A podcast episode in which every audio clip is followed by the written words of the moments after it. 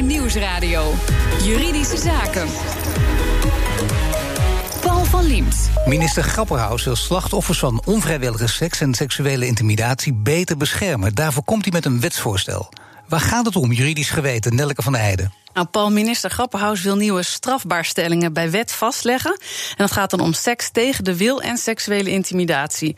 Nee, die komen dan naast de al bestaande bepalingen voor verkrachting en aanranding. En dat moet het dan voor slachtoffers makkelijker maken om aangifte te doen. Nu ligt de lat volgens de minister soms te hoog voor het bewijs van dwang bij aanranding en verkrachting. En hoe omschrijft hij seks tegen de wil? Nou, straks ben je strafbaar als je weet of op grond van de feiten en omstandigheden behoort te weten dat de seksuele handelingen tegen de wil van de ander zijn, schrijft eh, minister Grapperhaus. Als iemand duidelijk nee zegt of sterke afhoudende gebaren maakt, nou, dan weet je dat het tegen de wil is. Nee is natuurlijk nee. Maar geen nee is ook niet automatisch ja.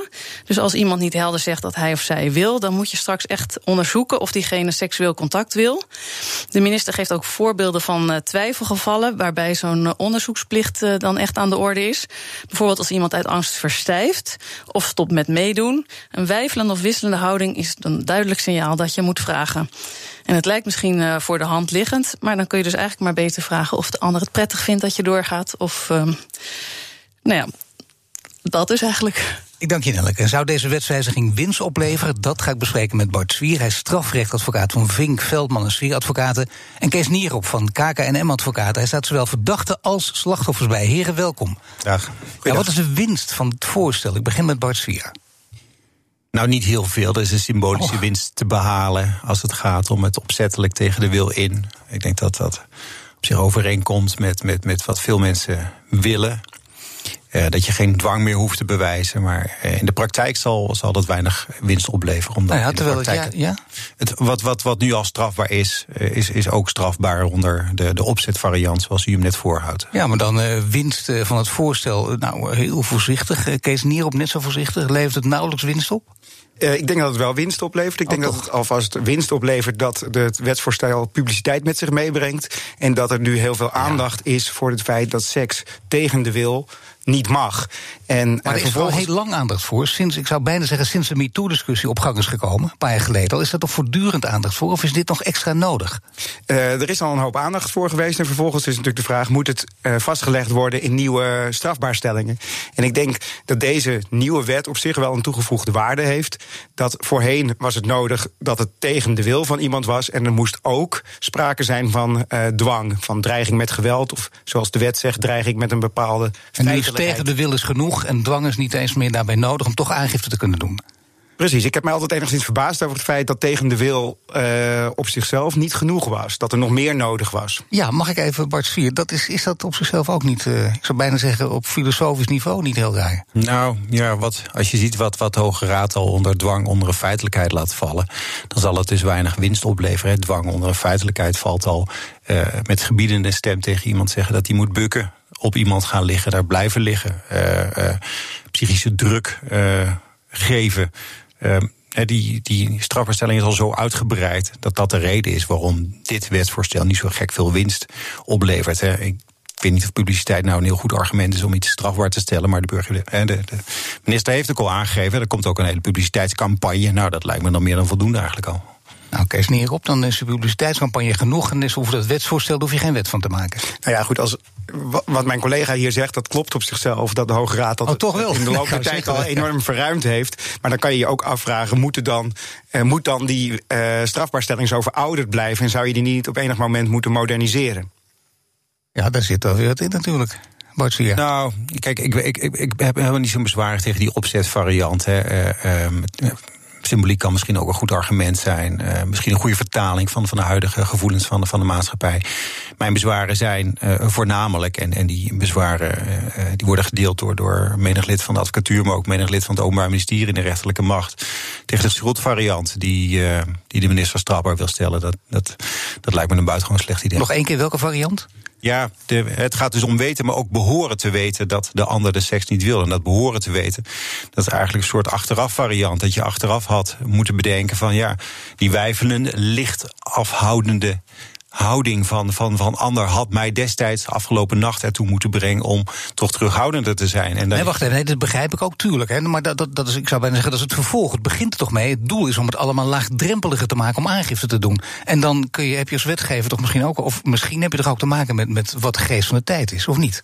Nou ja, kijk, de minister begint eigenlijk met, eh, met uh, het probleemstelling dat, dat het bewijs moeilijk te leveren zou zijn. Nou, dat bewijs is uh, met deze wet, met dit wetsvoorstel, net zo moeilijk te leveren als met. Maar het bewijs zou zijn als er nu bijvoorbeeld veel aangiften zouden blijven liggen.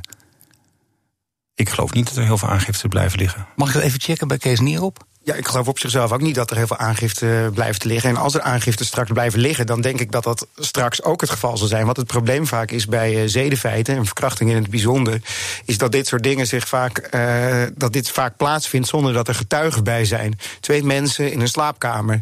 En onder, de, onder de huidige wetgeving was dat moeilijk te bewijzen wat zich precies had plaatsgevonden in die slaapkamer. Maar onder de toekomstige wetgeving zal dat ook moeilijk uh, blijven. En dat, zal, en dat is nu vaak de reden dat aangiftes blijven liggen of aangiftes niet tot vervolging leiden. En de nieuwe strafbaarstelling gaat in mijn optiek dat niet veranderen. Dus dan verandert het niks. Maar uh, Bart Vier heeft ook wel gelijk. Als hij zegt dat weten en behoren te weten, dat is nogal een verschil. Dat maakt het allemaal heel ingewikkeld straks, of niet? Uh, ja, ik denk wel dat het lastig is. en ik denk dat rechters zich wel eventjes hun hoofd erover zullen, zullen moeten buigen om vast te stellen wat dat nou precies is. Dat behoren te weten. Maar ik acht de rechtspraak daar wel toe in staat om die omstandigheden en die factoren te gaan benoemen die met zich mee zullen gaan brengen. Uh, dat je maar waar op is het op gebaseerd dat je de rechtspraak daartoe in staat acht? Uh, bijvoorbeeld andere delicten, zoals uh, het belagingsdelict, het stalkingsdelict. Dat gaat er ook van uit dat stalking is alleen strafbaar op het moment dat het tegen iemands uh, zin plaatsvindt. Op het moment dat je iemand 100 WhatsApp-berichten stuurt en diegene vindt dat leuk, dan kan er van stalking geen sprake zijn. Maar op het moment dat iemand duidelijk heeft gemaakt dat hij geen contact meer wilt, dan is het versturen van WhatsApp-berichten stalking. En, ja, maar dat is ook een hele ingewikkelde, juist bij stalking ook. Hè? Want wanneer maak je dat dan duidelijk? Want als je het te duidelijk maakt, dan dat is alleen maar vaak het voordeel van de stalker weten we ook uit oude verhalen natuurlijk. En dan gaat de stalker er juist met plezier nog mee door. Ja, dat is op zich mijn ervaring niet. Uh, als je, en mijn advies is ook altijd aan mensen die gestalkt worden... om heel snel, in een heel vroeg stadium, duidelijk te maken... dat je er niet van gediend bent. Dat maakt ook de vervolging die erop volgt een stuk makkelijker. Want dan hoeft daarna niet meer gediscussieerd te worden over of de stalker wist dat de ander niet gediend was van die WhatsApp-berichten. Ja, ik zou even kijken naar Bart 4. Zit hetzelfde als, uh, als je die stalkingsvergelijking maakt als het gaat om weten of behoren te weten? Want dat is wel een essentiële natuurlijk in dit wetsvoorstel. Als het gaat om, om die, uh, die zinsnede behoren te weten, is het hetzelfde. het grote verschil tussen stalking en de zedendelict is dat een vervolging voor een zedelijk, laat staan een veroordeling voor een zedelijk, rampzalig is. In de zin van dat je een, een eeuwigdurend strafbad hebt, dat je nooit meer een VOG kunt krijgen voor, voor welke vrijwilligersbaan dan ook. Dat is wel het grote verschil met, met, met belaging, met stalking. Um, ik, ik sta veel uh, verdachten bij die, die worden vervolgd voor een zedendelict. En die uh, zeggen eigenlijk allemaal hetzelfde. Hè. Ook als ze worden vrijgesproken, hebben ze zoiets van: Nou, de consequenties nog jaren daarna maken eigenlijk dat ik liever veroordeeld was voor, voor, een, voor een inbraak dan vrijgesproken voor een verkrachting. Juist omdat die vervolging met alles wat erbij komt kijken aan negatieve publiciteit zo rampzalig is, zo desastreus, zo diep uh, ingrijpend in het, in het uh, privéleven. Maar het is toch ook de bedoeling, tenminste als je inderdaad de dader bent. Maar dus ook als je wordt vrijgesproken gebeurt het ook. En daarom zou je hiermee moeten oppassen met dit wetsvoorstel. Is dat een belangrijk argument om het gewoon niet door te voeren? Nou, uh, je verlaagt de drempel van de strafrechtelijke aansprakelijkheid schijnbaar. Uh, behoren te weten levert zo'n groot schemergebied op. He, je hebt uh, tien biertjes gedronken met, met, met een vrouw en je hebt seks gehad. En je wordt de volgende dag wakker en die vrouw denkt: Ja, godsamme, ik heb, ik heb een vriend. Het was eigenlijk helemaal niet de bedoeling. En, en je had toch wel kunnen weten dat als ik heb gedronken, dat ik dat dan eigenlijk niet wil. En, en, en ik ga naar de politie. En dat zijn ook, ook situaties die uit het leven zijn gegrepen. He. Mensen die dan aangifte doen, ja, dat kan dan uiteindelijk niet vervolgd worden, want er is geen sprake van. Nou, dat wil ik wel even Kees niet op voorleggen. Want dit is inderdaad een heel goed voorbeeld. Ik denk zeker uit het leven Iedereen die ooit gestudeerd heeft, die kent het misschien ook nog wel. En dan? Wat gebeurt er dan? Ja, nou ja, tegelijkertijd denk ik, misschien had, is het de norm die de minister met dit nieuwe wetsvoorstel tot uiting wil brengen, dat seks tegen, de, tegen iemands wil niet mag, uh, ja, dat brengt natuurlijk ook een consequentie voor, met zich mee dat je je anders moet gedragen. En in die zin is het wel goed om te gaan verifiëren of iemand al dan niet instemt. En, uh, ja, maar wacht even, dit gaat over juist een situatie die zich zo ontwikkelt. Uh, je zit bij elkaar en je vindt elkaar misschien wel een beetje leuk. Er komt een heel spel op gang. Je denkt één biertje, nou zullen we nog maar eentje nemen, nog maar eentje. Ja, ja, ik niet, niet dat de een de ander volledig zit te manipuleren, maar allebei willen we dat. En dachten, nou ja, ik wil spijt hebben, dan word je je wakker en denken, heb ik gedaan. Ja, ook in de toekomstige situatie zal het op de weg van de officier van justitie en uh, daarachter de aangever liggen om te bewijzen dat diegene duidelijk heeft gemaakt uh, dat, het, uh, dat hij of zij geen seks wilde. En en het zal dus ook aan de officier van justitie, uh, op de weg van de officier van justitie liggen, om die omstandigheden te benoemen. waaruit de verdachte de conclusie kon trekken uh, dat seks tegen iemands zin plaatsvond. En uh, ik denk dat die omstandigheden best te benoemen zijn. En ik denk dat in heel veel situaties ook mensen best weten of het al dan niet met instemming was. Ja, dat laatste, dat, dat weet je niet. Ja, dat is, is het zo dat mensen dat best juist iets ja. wat je je achteraf uh, vaak realiseert. Hè, dat je achteraf hoort van ja, maar heb je me dat dan niet opgemerkt? Die licht afwerende houding. Heb je dat dan niet ja. gezien? Is er wordt wel heel veel van je empathisch vermogen gevraagd nou, op deze manier. En dat kan misschien gelden voor, voor mannen en vrouwen van, van, van, van die hoog opgeleid zijn, 40, 50 jaar oud zijn. Maar kun je dat ook nou verwachten van jongens van 15 en 16 nog helemaal geen seksuele ervaring hebben? Jongens met, met een lichte uh, psychische stoornis, die, die problemen hebben met het oppikken van signalen van een derde. Hè, die dat veel minder snel zien dan een ander. En dan ben je 17 jaar en dan word je vervolgd voor een zedelijk. Word je daarvoor voor veroordeeld. Je komt nooit meer van dat strafblad af. Dat moet je helemaal niet willen. Je moet niet afhankelijk willen zijn van een individuele officier justitie die dit dan besluit. Nou, misschien valt het er wel onder. We gaan het vervolgen. En de andere denkt, nou, valt er niet onder. Hè, want dat schemergebied heb je. Je gaat heel veel verschillende beslissingen van officieren van justitie krijgen. Heel veel verschillende beslissingen van rechters. En dat gaat heel veel slachtoffers op. Ja, ik zeg Kees Nierop nog steeds een beetje sceptisch kijken. Terwijl ik dacht, ja, hij gaat steeds meer mee in deze redenering. Maar nou, zo makkelijk gaat het niet. En je moet voorkomen dat mensen per ongeluk in het uh, strafrecht uh, nou, nee, maar het gaat over 18, 19 jaar en je weet het nog niet. Je kunt die signalen allemaal nog niet helemaal oppakken. Sommige mensen van 40, 50 kunnen dat ook niet. De een kan het beter dan de ander. Ja, en als mensen verliefd zijn, dan uh, vangen ze signalen nog slechter uh, op. Zeker. Uh, dus in die zin begrijp ik wel dat het een uh, wetsvoorstel is dat ook een hoop onduidelijkheden met zich uh, meebrengt. Maar ik vermoed zomaar dat de lat voor het behoren te weten, dat die wel hoog komt te liggen. Juist omdat wetgever rechtspraak wil voorkomen dat mensen per ongeluk in de sfeer van het strafrecht verzeild raken. Dus ik kan me zo voorstellen dat je als officier van justitie, dat je als ja. aangever wel met behoorlijk wat moet komen om de rechtbank ervan te gaan overtuigen dat iemand het had behoren te weten. Misschien moeten we nog een stap verder gaan. Want straks kun je maar beter een contract met elkaar sluiten voor je seksen. BNR Nieuwsradio. BNR Juridische Zaken. Onvrijwillige seks moet ook zonder dwang strafbaar worden, vindt minister Grapperhaus. Bereikt hij wat hij wil met zijn wetsvoorstel? Dat praat ik met Kees Nierop van KKNM-advocaten en Bart Zwier van VVS-advocaten. Ja, op social media worden verschillende dingen geopperd in, in reactie op het voorstel. Zoals bijvoorbeeld uh, filmen seks om te laten zien dat het vrijwillig was. Sluit voor de seks een contract met elkaar. Wat vinden jullie van dit soort uh, toch redelijk vergaande suggesties? Ik begin met Kees Nierop. Ja, een contract maakt natuurlijk een hoop duidelijk. Uh, het maakt duidelijk of al dan niet uh, sprake is uh, van instemming. Maar tegelijkertijd is het natuurlijk een idiote suggestie. En gaat voorbij aan het feit dat seks toch in het algemeen toch heel romantisch is. En dat dat vaak niet het moment is om te zeggen: Ik heb hier een contract voor je. Zou je dat even willen tekenen? En zelfs als je een contract sluit, kan ik mij nog heel veel situaties indenken dat zo'n contract helemaal niet goed de wil representeert van iemand. En kan je daar achteraf je ook nog de nog een advocaat erbij moeten halen om het op te stellen. Dan kan je en dan, uh, dwaling aanvoeren en misbruik van omstandigheden. Ja, dus het, het klinkt, het klinkt grappig, maar ik zie het in de praktijk niet, uh, niet gebeuren. En de seksfilmen, moderne technologie inzetten, ook flauwekul? Ja, dat is natuurlijk allemaal flauwekul. Kijk, het komt allemaal terug op de vraag: uh, moet je van tevoren vastleggen of er al dan niet instemming uh, was?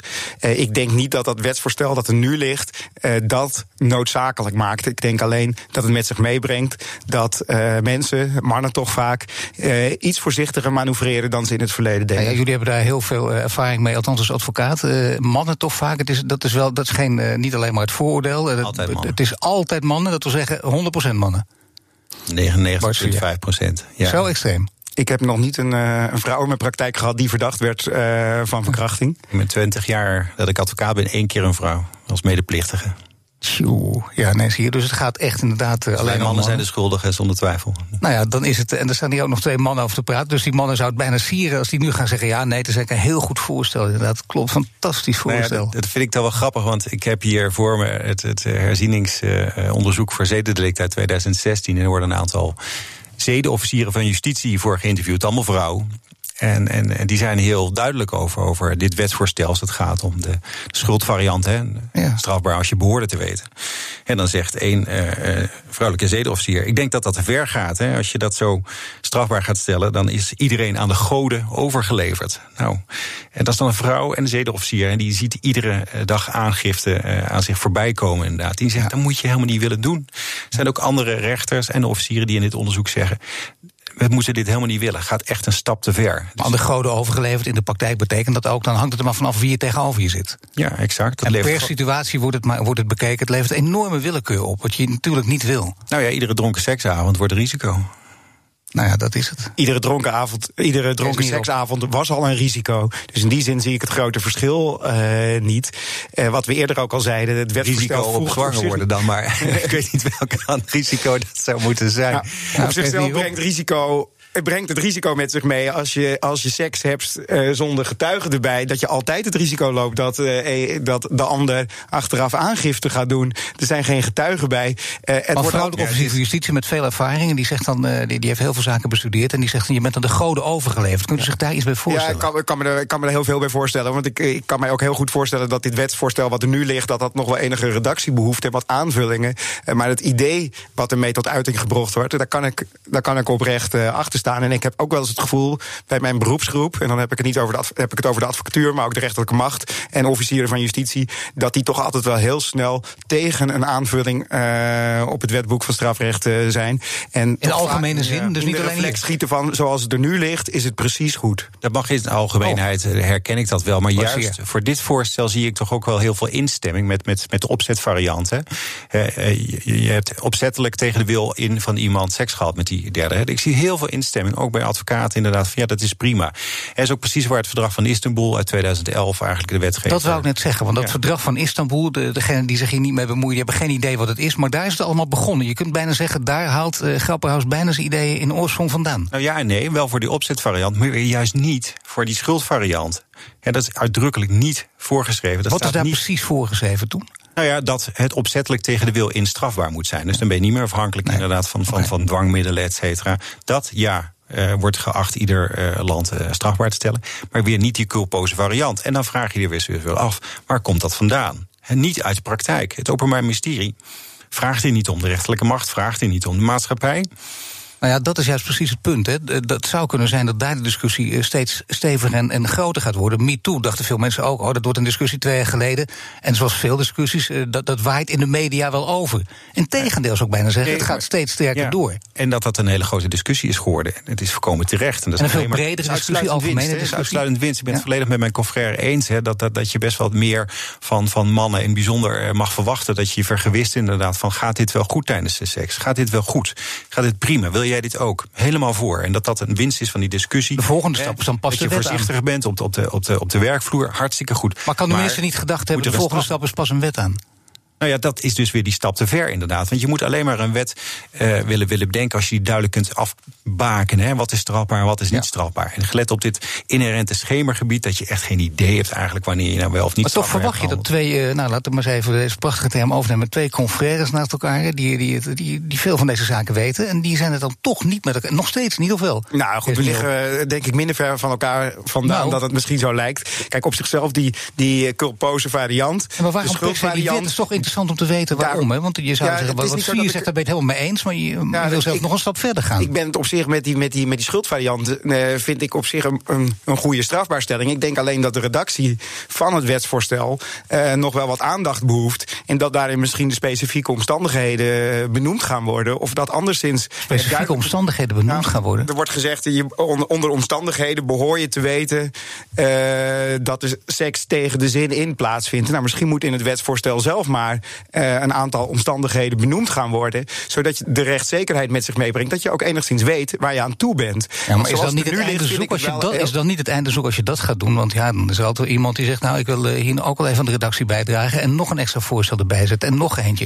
En dan zeggen dadelijk anderen, waarom staat dit er wel in en waarom dat niet? Ja, ja, ik denk wel dat het nodig is, want anders blijft het eh, te vaag en eh, brengt het het risico met zich mee dat mensen zonder dat ze het weten, per ongeluk in strafrechtelijke sferen terechtkomen. En dat geldt voor dit, voor dit soort vage delicten met een hoge strafbedreiging en met grote consequenties voor een verklaring omtrent uh, gedrag. Vind ik dat bijzonder risicovol. Bij een winkeldiefstal weet je doorgaans dat als je de kassa voorbij bent met een appel die je niet hebt afgerekend, dat je strafrechtelijk aansprakelijk bent. En dat is de reden dat mensen het eh, doorgaans uh, niet doen.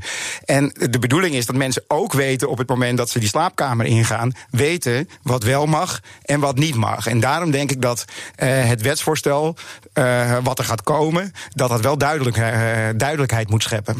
Maar ook, ja, het lijkt steeds moeilijker trouwens, moet ik zeggen. Als het wetsvoorstel zoveel redactie nodig heeft, dat het dan ook nog duidelijk blijft, dan kun je toch net zo goed zeggen: blijf er maar vanaf.